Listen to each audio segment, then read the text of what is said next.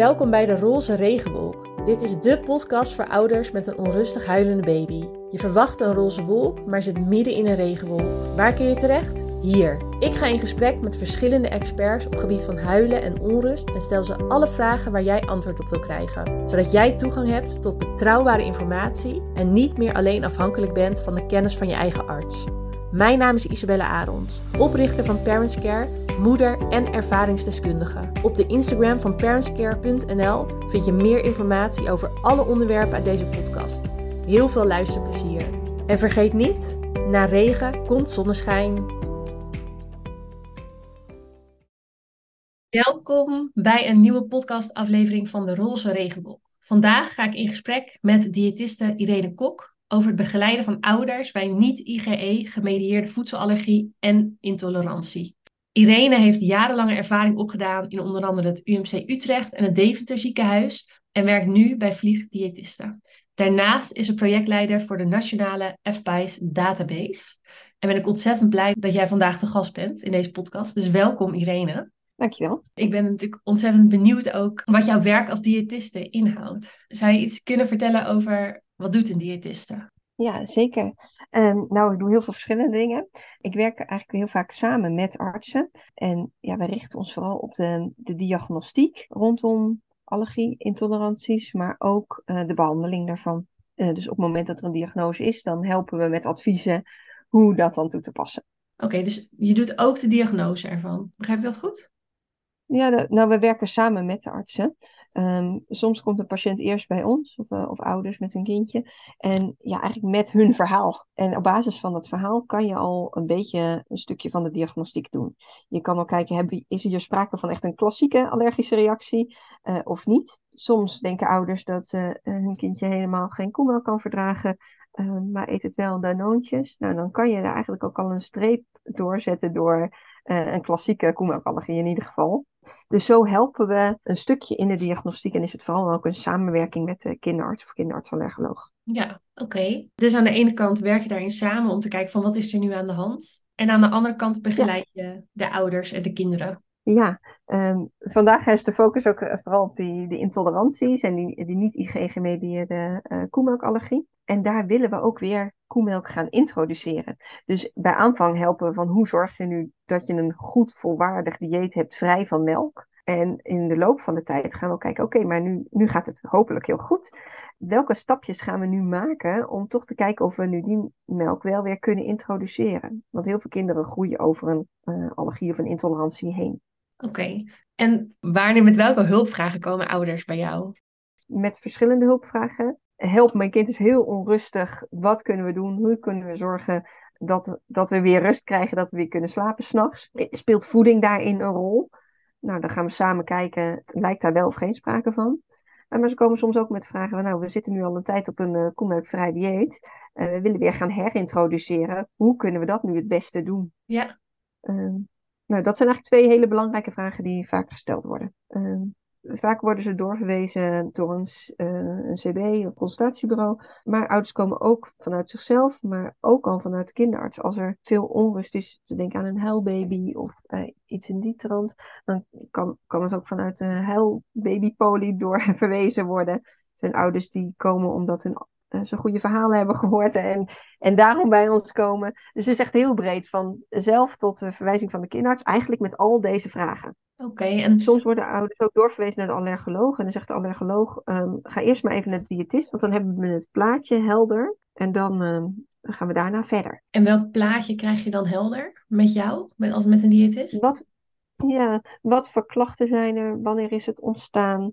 Uh, is er sprake van een klassieke uh, koemelkallergie? Welke producten gaan wel al goed? Welke producten gaan niet al goed? Hoe gaat de introductie van de bijvoeding?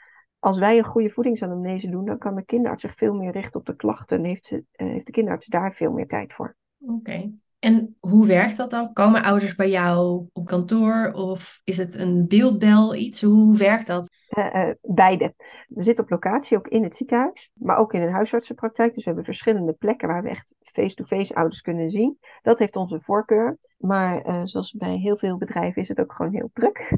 dus we hebben ook altijd nog wat plekken voor spoed en dat is dan vaak digitaal. En dat werkt eigenlijk ook heel goed voor jonge ouders. Zo Ja. praktisch als ze niet zo ver hoeven te rijden. Ik heb wel de voorkeur eigenlijk om voor het eerste consult iemand face-to-face te zien. Want dat vind ik eigenlijk gewoon toch het prettigst. Ja. En, en veel ouders ook. Dan weet je echt wie je tegenover je hebt. En, eh, maar soms is dat ook lastiger. Hè? Zeker als je een klein kindje hebt. Eh, als het kindje eh, op dat moment eigenlijk zou moeten slapen, wat onrustig is, dan is dat gesprek ook veel minder rustig op locatie en kan het thuis rustiger zijn. En ook voor het checken van bijvoorbeeld, wat voor producten heb je nou? Hè? Wat voor brood? Zit er eigenlijk melk in mijn brood? Ja, als mensen op locatie zijn, kunnen ze niet gelijk even kijken welk brood ze hebben. Terwijl als ze thuis zijn, kunnen ze zeggen, ook loop eventjes naar de vriezer of even naar de kast om te kijken, wat staat er nou eigenlijk op dat etiket? Ja, Dus het heeft allebei voor- en nadelen. ja, ja. En nog even een hele praktische vraag hoor, maar wordt dat vergoed? Eh, gedeeltelijk. Ehm, er zitten drie uur in de basisverzekering. Dus de eerste drie uur eh, die we besteden, die wordt vergoed. En dan heb je soms nog aanvullend eh, verzekerd tot maximaal vier uur extra. Ja, dat is niet heel veel, maar dat is waar we het mee doen. Dat is per Ja. kalenderjaar. Ja, ja. En heb je altijd een verwijzing nodig om bij een diëtist eh, dat vergoed te Nee. krijgen? Dat niet. Nee, hoeft niet per se. Ik vind het wel altijd fijn. eh, dat er ook gewoon nog even iemand meekijkt. Dat we weten, is er eh, naar bepaalde eh, bloedonderzoeken gedaan. Of dat je even mee, met iemand ook kan sparren. Soms is er misschien wel sprake van obstipatie. Dus ik vind het wel fijn als er een verwijsbrief is. Maar het is niet strikt noodzakelijk. Oké, nou goed om te weten. Wij hebben het dus vandaag echt heel specifiek over de niet-IgE-gemedieerde allergie of intolerantie. Daar heb ik ook een podcast over opgenomen met Eva Kofferman. Dus voor de ouders die luisteren en daar meer over willen weten, raad ik ook echt aan om die nog even te luisteren. Maar ik ben wel even benieuwd, want je hebt het net ook over een klassieke allergie. Bedoel je daar dan de IgE-gemedieerde variant mee? En wat, Ja, daar bedoel ik de IG-gemedieerde variant mee. oké, en wat is voor jou het verschil tussen een allergie of intolerantie? Nou, als je het hebt over ehm, de IgE-gemedieerde, ik noem dat in, de, in mijn spreekkamer altijd de klassieke allergie, omdat dat veel meer tot de verbeelding spreekt en niet zo'n terminologie is als, eh, als de IgE-gemedieerd. Maar als je het daarover hebt, dan heb je het over dat wat we kennen als we het hebben over een allergische reactie. Dikke lippen, dikke ogen, galbulten, benauwdheid, dat. Dus echt een hele acute reactie op een voedingsmiddel die ook vaak heel snel is. Ja. Die is ook eigenlijk vaak wel heel duidelijk. Er hoeft niet zo heel veel aan diagnostiek voor te doen, want dat verhaal spreekt vaak vrij voor zichzelf. Die niet IgE-gemedieerde allergie of intolerantie of ja, eh, eigenlijk weten we dus ook niet zo heel goed wat het is. hè. Is het nou een darmziekte of is het nou echt een allergie? Dat is veel, eh, hoe moet ik dat zeggen, veel meer ongrijpbaar. Hè?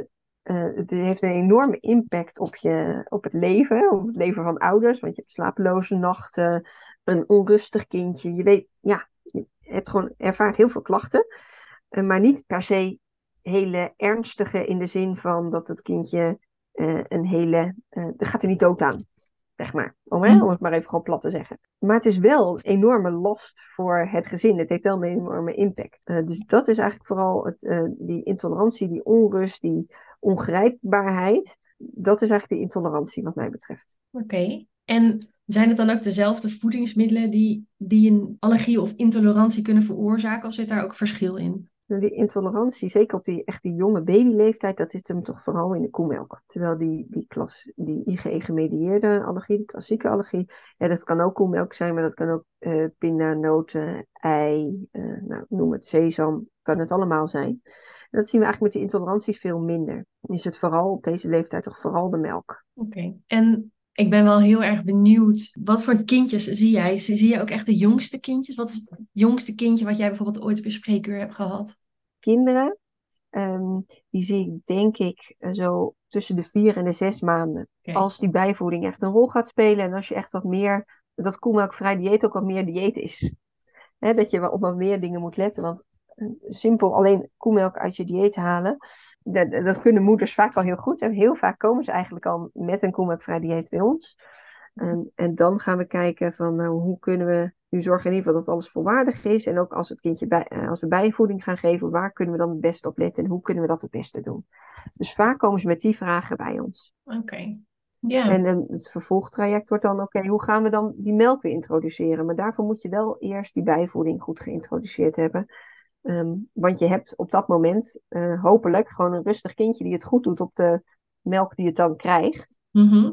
En dan vind ik die bijvoeding veel belangrijker dan dat je op dat moment aan de slag gaat met, uh, uh, met melk introduceren, echt koemelk introduceren. Oké. Okay. Dus, dus het is eigenlijk altijd het stappenplan van eerst koemelkvrij, uh, eventueel een herintroductie als je twijfelt, is er wel of geen sprake van, van koemelkallergie. Als je denkt, nou ik weet het eigenlijk niet zo goed, dan is het wel belangrijk om dat snel weer te introduceren. Maar als je zegt, oké, nou dit is het en het is zo'n wereld van verschil. Ik had uh, een enorme huilbaby en ik ben drie dagen op koemelkvrij. En ik heb een, een stralende, vrolijke, goed groeiende baby. Ja, dan is het duidelijk. En dan ga je vaak niet heel snel weer met die melk introduceren. Omdat de ouders al zo'n traject hebben doorlopen waarin het allemaal niet lekker ging. Dat je nu bij, blij bent dat de rust er is. En dat je dan denkt, oké, dit is even wat het is. Dan ga je focussen op de bijvoeding. En als dat allemaal loopt, ga je kijken, oké, nou, dan is het nu misschien wel eens tijd om toch eens weer te kijken, hoe gaat het nu met de melk? Ja, precies. Als er ouders zijn, dus met borstvoeding gerelateerde vragen, waar kunnen zij dan terecht? Is dat dan bij een lactatiekundige of toch bij een diëtist? Als het echt om de voeding van moeder gaat, dan mhm. ben je bij de diëtist het beste af, denk ik. Gaat het om hoe zorg ik dat mijn productie goed blijft? Hoe, uh, wanneer leg ik aan? Uh, nou ja, echt de, meer de praktische zaken rondom het borstvoeden zelf, mhm. dan ben je bij de lactatiekundige het beste adres. Oké. En stel je voor een ouder verdenkt zijn of haar baby op het hebben van een voedselallergie of een intolerantie. Wat, wat, wat raad jij dan een ouder aan om te doen in het eigen dieet? Is dat koemelkvrij of is dat ook echt pinnavrij, sojavrij? Nou, ik zou eerst even contact met iemand opnemen. Want wat is de reden dat je denkt aan die voedselallergie of intolerantie? En is dat een allergie of een intolerantie? Dat vind ik wel twee echt verschillende paden die je loopt. Als je echt denkt aan een allergie, dus een IgE-gemediëerde allergie, dan moet je contact opnemen met een arts. Ehm, en dan moeten we dan kijken, is er, uh, is de anamnese zo dat we ook echt denken aan een uh, allergie? Moeten we testen gaan doen voordat we het opnieuw gaan, thuis gaan introduceren? Mm en denk je aan een intolerantie? Ja, ik zou niet zomaar voedingsmiddelen uit je dieet gaan halen. Als je dat doet, dan kan dat, maar dan moet je het ook wel weer gaan herintroduceren. Want op het moment dat je heel veel, heel veel voedingsmiddelen uit je dieet gaat laten, dan wordt, de voeding, wordt je eigen voedingspatroon, als het gaat om borstvoeding, uh, ook gewoon veel minder volwaardig. Heb je minder energie.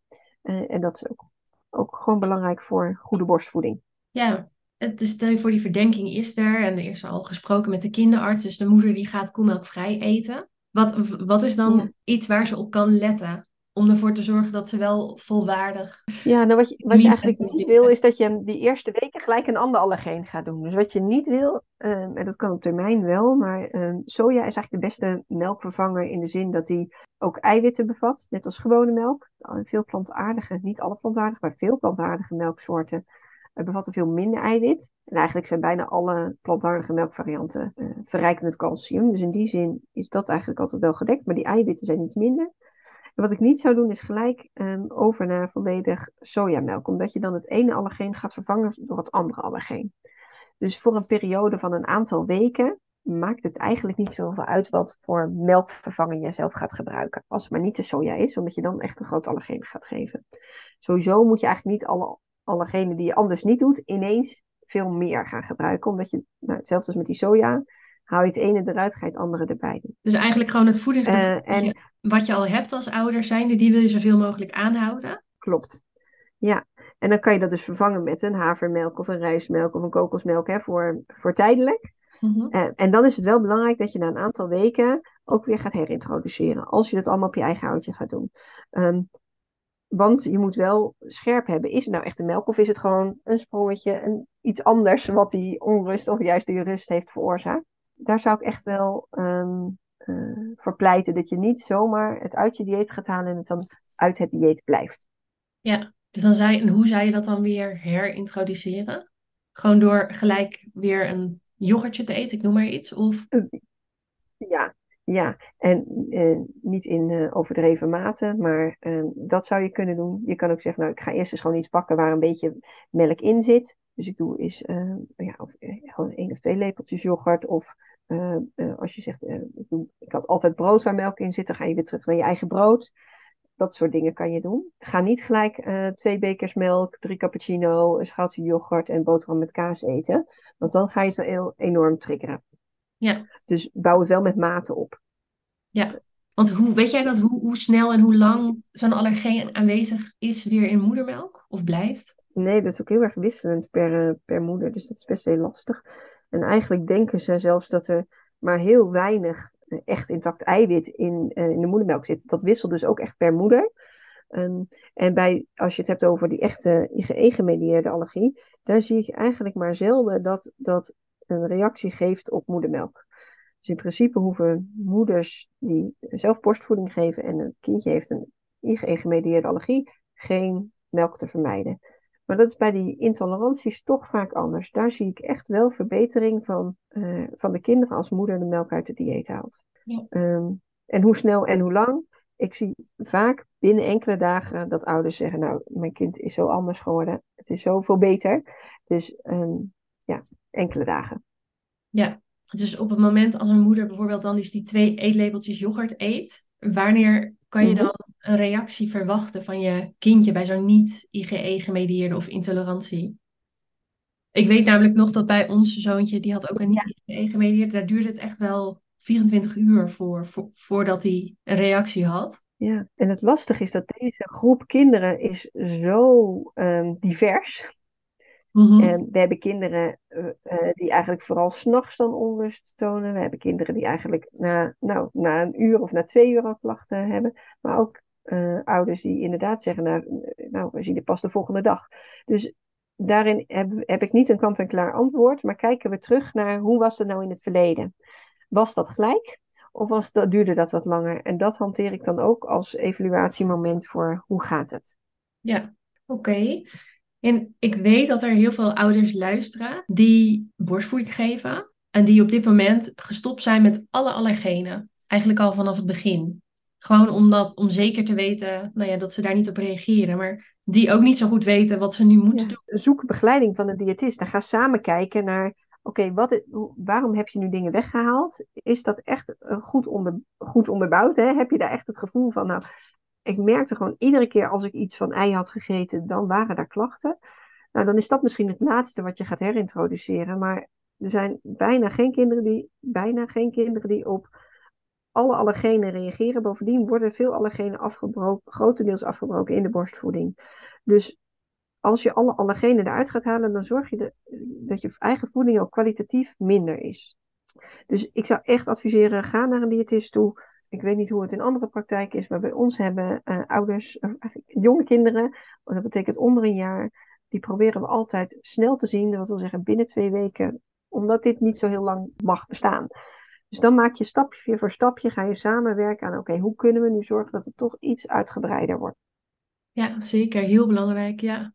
Ja, en we hebben het dan net gehad over ehm, ehm, moeders die borstvoeding geven. Er zijn natuurlijk ook veel moeders die, die, die borstvoeding en bijvoeding geven. Uh, flesvoeding dan bedoel ik. Mhm. Eh, of die alleen flesvoeding mhm. geven. Nou weet ik dat jij geen merknamen wil noemen, maar er zijn natuurlijk verschillende soorten flesvoedingen. En ik heb begrepen dat er op dit moment ook steeds meer geitenmelkvoedingen komen. Uh, of op rijst, rijstmelkvoedingen. In plaats van een verknipte koemelkvoeding. Wat, hoe sta jij daarin? Maakt het uit wat voor soort voeding je kiest als flesvoeding? Ja, ja. als je echt denkt aan een IgE-gemedieerde allergie, dan uh, is een geitenmelkvoeding uh, nou in uh, eh, 90% van de gevallen geen goede keuze. Want dan heb je, het, heb je gewoon kans op ook zo'n allergische reactie, maar dan op de geitenmelk. Dus dan schuif ik die echt aan de kant. Geitenmelk is sowieso niet iets wat onze eerste keuze is ik heb ook echt wel eens patiënten gehad, kinderen gehad, waarvan ik dacht van, nou, bij, de, bij dit kind, en ik, ik zit even de situatie voor me te halen, wat dat dan ook weer was. Uh, het was al, denk ik, een iets ouder kind die uh, wel bepaalde voedingsmiddelen kon verdragen met een beetje melk. Uh, waar we toch geitenmelk he hebben geprobeerd en wat eigenlijk heel erg goed ging, omdat het wel iets lichter verteerbaar is. Dus als het niet, niet een echt allergie, maar meer een intolerantie of een darmprobleem is, dan kan je je voorstellen dat zo'n geitenmelk wel werkt we hebben ons nog steeds een beetje de focus op, die, uh, op dat het een allergie is. En bij allergie is gewoon geitenmelk geen eerste keuze. Dus gaan we vaak naar zo'n uh, of een hydrolysaat of uh, eventueel een aminozuurvoeding. Ja. En in principe proberen we eerst een hydrolysaat. En dat is een verknipte variant van de koemelk? Ja, dus het is wel melk. De basis is melk. Ehm, maar het is een stukje, het eiwit is in stukjes geknipt, waardoor het lijf, de darmen het niet meer zo herkennen als dat koemelk-eiwit en het vaak veel beter verdragen wordt. En het gros van de kinderen gaat daar goed op. En een aminozuurvoeding, daar is eigenlijk geen, ik zeg altijd geen koe meer aan te pas gekomen. Dat is echt een hele kunstmatige voeding, waar de aminozuren, eiwitten zijn opgebouwd uit een heleboel aminozuren. Uh, die zitten daar los in. Dus het is allemaal een hele volwaardige voeding. Dat is zowel de hydrolysaten als de uh, aminozuurvoeding. Mhm. Maar er zit wel verschil in de mate van de eiwit. Ja. En daar specifiek een vraag over die nu ook in mijn hoofd oppopt. Want ik hoor namelijk heel veel ouders die zeggen, waar, waarvan het kindje een aminozuurvoeding drinkt. Uh, het kindje lijkt onverzadigbaar. Ja. Kan dat ook komen omdat het juist op basis van aminozuren is? Dat het lichter verteerbaar is, dat ze sneller weer honger hebben? Nou, je kan, ja, ik hoor het ook wel eens in de spreekkamer hoor. Uh, het kan zijn inderdaad dat het gewoon iets lichter verteerbaar is en dat het daardoor eerder weer trek heeft. Maar als we kijken naar de calorieën, zitten er gewoon net zoveel calorieën in als in kunstvoeding. Ja. Standaard kunstvoeding. Dus in die zin uh, is het niet zo dat je daarvan dus meer moet geven. Ja. Um, maar het is ook wel eens inderdaad iets wat ik in de spreekkamer hoor. Uh, maar ga vooral niet meer geven, zou ik zeggen. Nee, dus niet meer geven. Want er zijn dus ook veel ouders die, die dan Nee. papjes gaan geven, die het gaan indikken. Wat vind jij daarvan? Ja, dat kan. Jij ligt ook een beetje aan hoe oud je kindje is. Kijk, als je al wat met, uh, met vaste voeding uh, kan starten, dan is dat denk ik mooi. Dan zorgt dat in ieder geval voor wat meer verzadigd gevoel. Als je het, uh, en dat is wat je vaak ook doet als het op een gegeven moment door de leeftijd van een papje komt. Dus dan zou ik me daarop richten. Hoe snel kunnen we die bijvoeding uh, opstarten, zodat we wel dat verzadigd gevoel hebben. Um, en ik vind het prima als iemand er een papje van maakt. Um, dan zou ik niet alleen maar op reis doen, maar wel ook wat andere graden. En uh, ga dan niet alle flessen daar helemaal mee, mee vullen. Maar nou, je maakt er doe er een beetje bij en ga, haal er misschien een heel klein beetje volume van de fles vanaf. Uh, als je kindje voldoende vocht binnenkrijgt. Um, omdat je anders wel extra calorieën gaat geven. Ja. Um, maar als je merkt dat het kindje wel onver, uh, onverzadigbaar is, maar aan, aan, de andere kant ook een, een stijging uh, op de groeicurve laat zien die misschien iets minder gewenst is. Ja. Ja, dan moet je er even extra aandacht voor hebben zie je ja. gewoon een kind wat eigenlijk zijn eigen lijntje uh, groeit en verder geen bijzonderheden. Ja, nou dan, uh, heb je er niet, dan hoef je er niet zo uh, op te zitten. Nee, precies. En stel je hebt een kindje dat is echt aan de onderkant van die groeicurve zit. Dan maak ik me helemaal geen zorgen om. Kan je je voorstellen dat het, hè, dan heb je ook een oorzaak waardoor het kindje die onverzadigbare gevoelens heeft. Want die heeft waarschijnlijk dan ook te weinig, omdat hij onderaan de curve zit. Ja. Dus dan mag je ook meer geven. Ja. Wanneer zou jij beginnen met vaste hapjes? En hoe raad jij dit aan om te doen? Dus bij een kindje met een intolerantie of een nou ja, niet IgE-gemedieerde allergie? Nou, we adviseren eigenlijk met vier maanden te beginnen. En dan um, uh, kan het eigenlijk met verschillende dingen. Dat kan met granen zijn. En dan heb je uh, granenpapjes ook met haver voor vier maanden. Je hebt uh, de rijstboekwijdpapjes. Dat vind ik eigenlijk iets beter dan alleen de rijst. Um, want alleen de rijst daar kan je niet echt heel goed een papje van maken. Uh, dus daar kan je mee beginnen. Je kan beginnen met groenten, met fruit. En dat maakt me eigenlijk niet zo heel erg veel uit. Heb je veel darmklachten, um, dat ontdek je dan hier. Hè? Uh, of dat wel of niet goed gaat. Of dat de bijvoeding ook veel klachten oplevert. Mm-hmm. Um, de gedachten zijn dat je dan misschien wel beter met iets van granen kan beginnen dan met groente of fruit. Uh, dat is nog heel erg in, in ontwikkelingsfase. Uh, wat, het, wat het beste is. Dus vooral proberen, kleine hapjes, variëren. Dus niet per se een aantal dagen uh, hetzelfde achter elkaar. En dat mag, bij sommige, maar bij sommige kinderen zie je dat als ze uh, vier dagen achter elkaar wortel hebben, dat ze dan klachten krijgen. Terwijl als ze één dag wortel eten, uh, hebben ze eigenlijk geen klachten. En dan zou ik het eigenlijk ook niet opzoeken, want uiteindelijk ga je ook niet iedere dag wortel eten. De gedachte is ook hoe meer gevarieerd, hoe beter dat is voor je immuunsysteem. Want je biedt andere vezels aan, je biedt andere microben aan. En uh, daarmee uh, voed je ook andere bacteriën in de darm. En de gedachte is dat dat eigenlijk wel heel erg, wel eens heel erg goed zou kunnen zijn voor je, uh, voor je darmgezondheid. En dus ook voor het verdragen van je voeding. Ja, ik kan me voorstellen dat dat lastig is. Want ik weet nog bij mijn zoontje, bijvoorbeeld, hadden we dus ook de ene dag een beetje banaan geprobeerd. En de andere dag wat zoete aardappel. En dan hadden we op een gegeven moment buikpijn en dan wisten we dus niet waar het door kwam. En dan moesten we weer helemaal opnieuw alles introduceren ja. om te kijken Hè, kan die dan ergens niet tegen? Of was het gewoon een virusje? Of weet je, wat, wat, Ja. wat, wat was er dan aan de hand? En het is zo'n zoektocht. Dus ik kan me heel goed voorstellen als je vier dagen wortel geeft en die vier dagen reageert die, dan kan het net zo goed een buikvirusje zijn of iets. Maar het ging drie dagen goed en Ja. niet. Ja, soms is het ook zo dat, het, dat je gewoon inderdaad al onderliggend iets hebt. Het, wat je dan ook aanbiedt, dat gaat gewoon klachten geven, omdat er onderliggend iets is. Dus je koppelt al heel snel klachten aan voeding. Soms is dat waar, maar soms is dat ook niet waar. En dus dat is echt wel echt heel ingewikkeld. Je kan er ook voor kiezen om te zeggen van nou, ik ga, ik ga inderdaad een paar dagen hetzelfde doen. En je kan ook zeggen, nou weet je, dat doen we gewoon met de eerste vijf producten doen we dat wel. En merken we dat dat eigenlijk best heel goed gaat, dan gaan we dat daarna een beetje loslaten. Ja. Want als je dat blijft doen, hè, je blijft eh, drie dagen of vier of vijf dagen één voedingsmiddel geven, dan duurt het ook heel veel weken voordat je een beetje variatie hebt. Daarvan denken we echt dat het heel belangrijk is. Hoe kan je het beste variëren? Want je hebt natuurlijk groente en fruit. Of zit daartussen ook nog variatiemogelijkheden? Ja, het maakt echt uit of je wortel geeft of bloemkool of eh, broccoli of boontjes. Daarmee eh, spreek je gewoon andere bacteriën in je darm aan. Het is gewoon een ander product. Eh, dus ik zou variëren binnen eh, groente en fruit en eh, granen. Maar ook binnen die groepen variëren. Zoveel mogelijk. Dus niet alleen maar tarwepap geven of alleen maar haverpap geven, maar mix maar verschillende granen. Hoe, hoe meer, hoe beter. Eh, en dat kan ook zijn dat je zegt, nou, doen we nu een paar dagen dit en dan een paar dagen dat, als je dat fijn vindt. Maar variatie is echt het sleutelwoord, als het kan. Ja. Ja, dat, ik kan me voorstellen dat je daar als ouder ook wel eh, comfortabel bij moet voelen. Om dat dus inderdaad te proberen. Want het is vaak, dat vind ik dus lastig met die bijvoeding. Het is vaak net het moment dat je weer gaat werken ook. Als moeder zijnde. Ja. Dat die bijvoeding begint. Mhm. En dan moet je dat, dat is toch weer iets Ja. nieuws. Wat je in je leven moet gaan zien te passen. Geef je dat dan 's ochtends of Ja. s avonds of op, nou ja, op de opvang als de kinderen daar naartoe gaan. Ja, ja en, en vooral die eerste hapjes is dat natuurlijk ook ehm, echt spannend.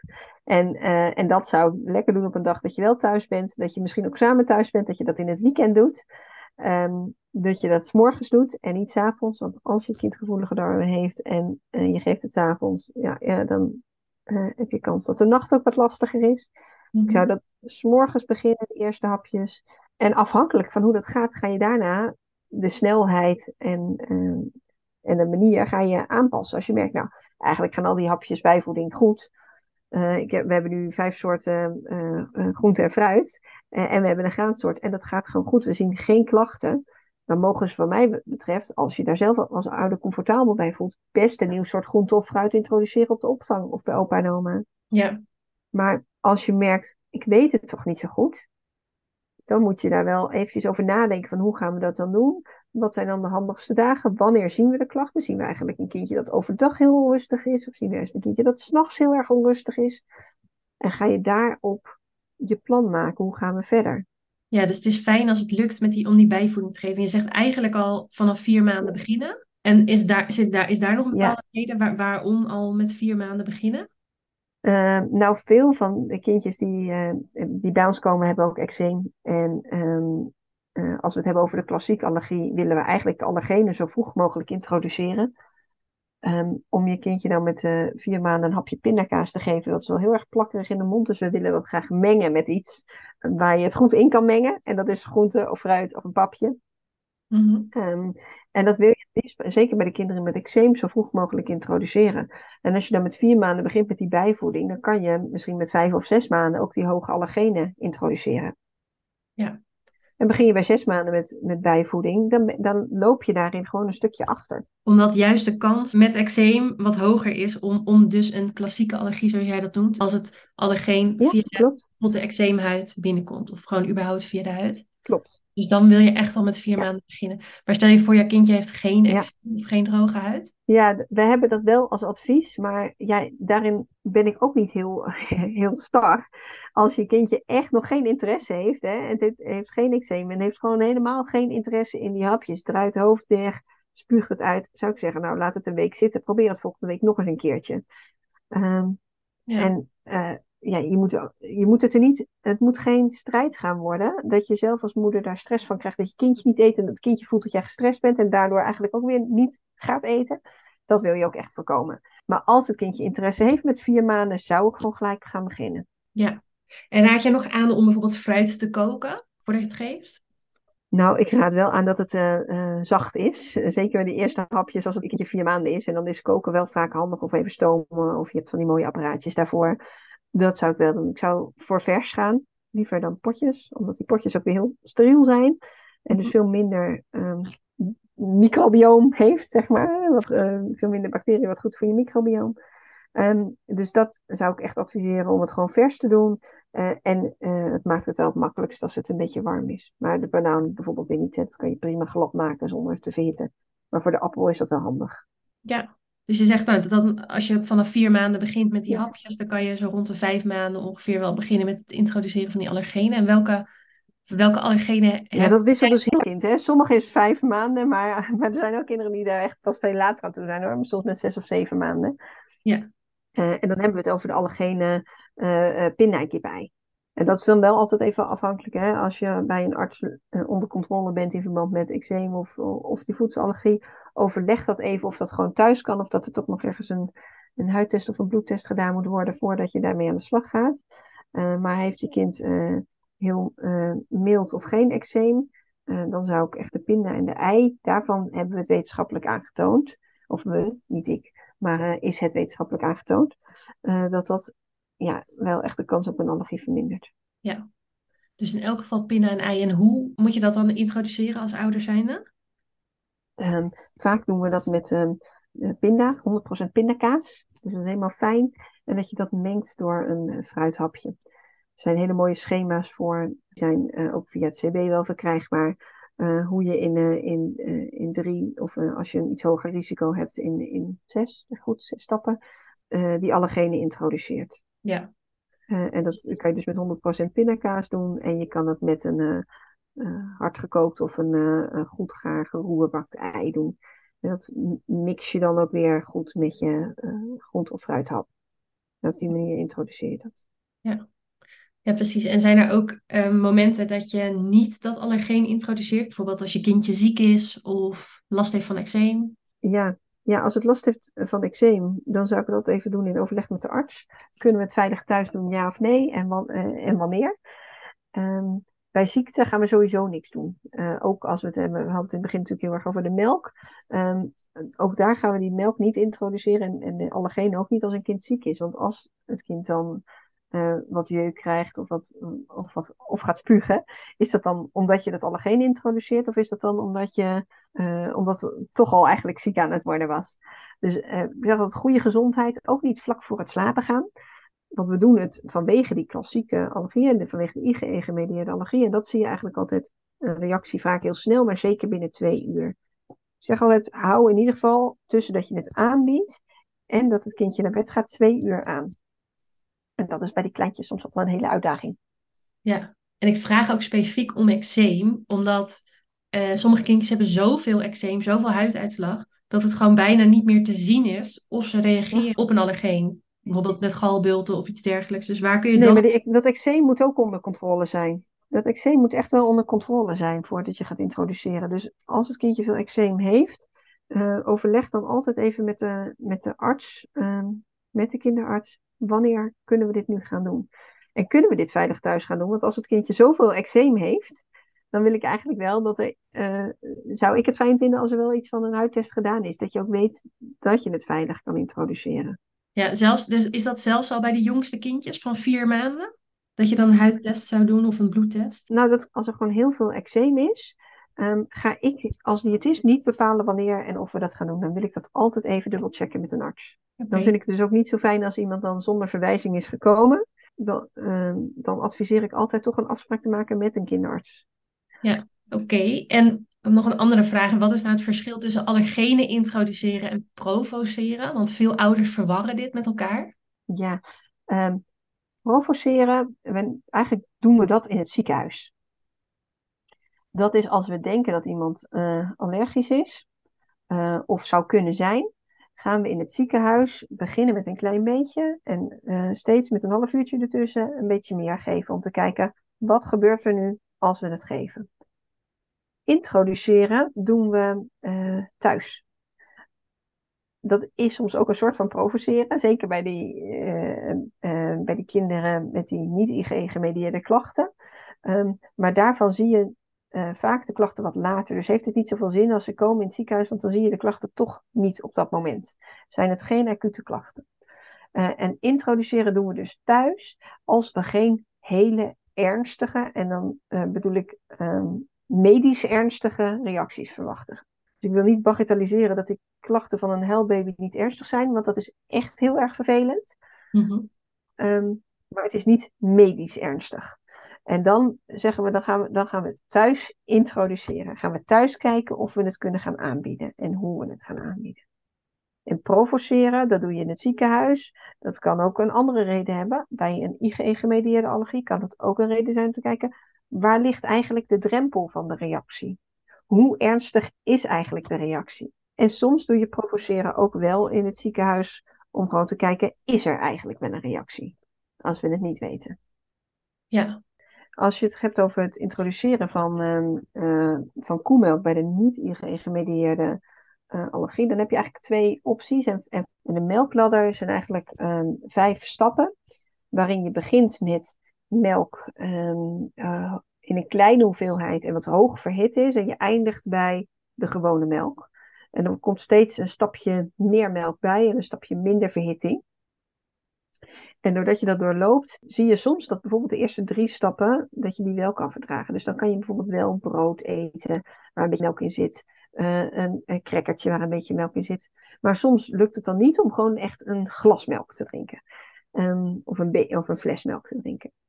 Iedere stap daarin is wel mooi uh, winst. Want dat betekent dat je uh, iets minder op de etiketten hoeft te letten. Dat je iets minder snel foutjes kan maken. En we hopen eigenlijk ook dat doordat je dan een beetje blootgesteld wordt aan melk dat je dan ook meer tolerant wordt. En ik weet niet in hoeverre de literatuur daarover uit is, maar dat is eigenlijk een beetje de gedachte daarachter. Om maar steeds kleine beetjes aan te bieden en uiteindelijk die tolerantie op te bouwen. Dus dat is wat we vaak doen bij die uh, melkintolerantie, dat we daarmee aan de slag gaan. En soms lopen we dan dus vast ergens bij stap 3 of stap 4, uh, maar dan heb je al wel winst van die eerste stappen. En de doelgroep van die melkladder is heel duidelijk de niet IgE-gemedieerde milde klachten. En mild medisch dan. Dus uh, huilen, onrust, krampjes, obstipatie, dat soort klachten. Um, en voor de andere allergenen is dat er dus eigenlijk niet zo, omdat we daar veel minder vaak zo niet IgE-gemedieerde uh, reactie op zien. Ja, F-PAIS hebben we eigenlijk nog niet echt besproken, maar dat is, het, het is wel niet IgE-gemedieerd. Uh, maar het valt wel binnen de ernstige uh, reacties. En als we weten dat iemand een F-bias heeft op koemelk, gaan we daar helemaal niks thuis mee doen. Dan, als we dat gaan introduceren, doen we dat middels een provocatie. En niet anders. Ja. En we zijn nu, uh, gaan we een, een nieuwe onderzoek starten waarin we ook echt de focus hebben op tolerantie. wanneer wordt iemand nu tolerant? Dus dan blijven we de patiënt ook wat langer volgen in de tijd. En dan hopen we dat we daar over een aantal jaar echt een, een, een goede uitspraak over kunnen doen, hoe dat dan de Nederlandse populatie is. We weten dat er bij FPI's en tolerantie en allergenen is echt heel erg verschillend waar je woont. Uh, dus voor de Nederlandse populatie kan ik daar nog niet zo heel veel van zeggen. Nee, oké, okay, dus daar gaan jullie onderzoek naar doen om erachter te komen hoe zit dat voor die Nederlandse populatie. En dan specifiek op FPI's of ook de milde variant van niet-IgE-gemedieerde allergie. Uh, in eerste instantie vooral gericht op de FPI's. Okay. Ja. Maar die andere, de andere groep heeft ook mijn hart, dus uh, wie weet. Ja, ja, precies. En ik heb nog één vraag, want dat hebben we nog niet behandeld. Namelijk die etiketten lezen. Um, en sporen van, kan sporen mm -hmm. vatten, dat soort zaken. Wat, wat zijn nou ja. tips die je hebt voor ouders ja. die nu bijvoorbeeld koemelkvrij willen eten? Um, waarop te letten? Vergeten die sporen. Um, want het is een beetje schijnzekerheid. Het, ze mogen dat op het etiket zetten, maar het hoeft niet. Dus dat betekent uh, dat als er op een verpakking, als je uh, twee doosjes hagelslag hebt, pure hagelslag, en op de een staat kan sporen bevatten van melk en op de andere staat dat niet. Dat maakt niks uit. Het kan zelfs zo zijn dat iemand waar niet op staat, dat, dat, er, dat er meer melk in zit dan in die ander. Dat sporen betekent, het zit niet in de receptuur, het kan er per ongeluk inkomen. En in principe zeg ik, niet op letten. Gewoon niet niet naar kijken. Wel je gezonde verstand gebruiken. Dus als je, uh, als je zelf inschat van, nou ja, ik denk dat hier echt wel veel, uh, dat hier echt wel melk in zou kunnen zitten. Ja, dan moet je misschien daar nog een keer over nadenken. maar eigenlijk vind ik dat meer met pinda's en noten ehm, dan dat ik dat met melk vind. De hoeveelheid is dan zo klein dat dat vaak geen klachten geeft. Dus in principe niet vermijden. Nee, oké, dus voor koemelk maakt het echt niet uit, maar bij een, een klassieke allergie van pinda en noten eventueel wel. Nee, zeg ik eigenlijk ook altijd uh, dat je het niet hoeft te vermijden, maar uh, daar leg ik wel iets meer uh, de nadruk op wat zijn nu risicoproducten. Denk aan de ijssalon. En dat is met melk ook wel. Dat doe je natuurlijk nog niet met die hele jonge kinderen, maar met iets grotere kinderen, die, krijgen vast wel eens een ijsje. Um, uh, en je hebt tegenwoordig zoveel soorten waar ook vaak iets van noten in zit. Um, dat je wel even echt moet zorgen dat dat, dat, zijn nou die, die plekken waar je die contaminatie wel kan krijgen. Als je met die ene lepel gewoon zo door dat ijs gaat, maar net iemand met de hazelnoot, met de lepel met hazelnootijs doorheen is gegaan. Dan heb ik daar wat meer de focus op. Maar bij deze kinderen met, um, met niet ingemedieerde koemelkallergie hoef je niet op sporen van melk te letten. Nee. Oké. Duidelijk. Dankjewel. Wel op de ingrediëntenlijst. Wel of de melk in het ingrediëntenlijst zit. Ja, dus wel, wel op die ingrediëntenlijst goed kijken. Eh, is er ook bijvoorbeeld een bepaalde website of een document met al die namen waar je op kan letten? Um, ja, voedselallergie.nl. Die hebben um, een tabblad allergenen. En er staan heel veel allergenen bij. Um, en daar staat ook de, hoe kan het op het etiket staan. Oké. Dus soms wel heel erg uitgebreid, maar um, het geeft in ieder geval uh, uh, een idee. Ja. Oké, okay, nou, Irene, heel erg bedankt voor, uh, voor al, al, jouw antwoorden en vragen. En ik ben afsluitend nog wel heel erg benieuwd of jij, of jij nog tips of adviezen hebt voor ouders of, of zorgverleners die wellicht luisteren. Nou, ik zou dus vooral als je twijfelt, doe je het wel goed, neem contact op met een diëtist vermeld dat het om een jong kindje gaat. En dan wordt er vaak wel plek gemaakt. Zorg wel dat je echt een, een diëtist hebt met ervaring in allergie. Um, en ga samen even kijken, doen we het goed of uh, zijn we te streng? Of zijn we juist niet streng genoeg? En zijn er daar nog wat restklachten? Uh, ga samen de zoektocht aan naar een, een, goed dieet. Voordat je het gevoel hebt dat je alles zelf uit moet dokteren. En misschien of te streng of, of juist niet streng genoeg bent. Dus zoek hulp. Je hoeft het niet zelf uit te zoeken. Ja, nou, mooi. Nou, nogmaals ontzettend bedankt. Ja, graag gedaan. Ja, dit is alweer het einde van deze aflevering. Wil je mij helpen? Beoordeel dan de podcast door op de sterren te drukken en druk op volgen als je dat nog niet deed. Delen via social media kan natuurlijk ook. Hoe meer bereik, des te meer ouders en zorgverleners de podcast kunnen luisteren. Dan ben ik je echt ontzettend dankbaar.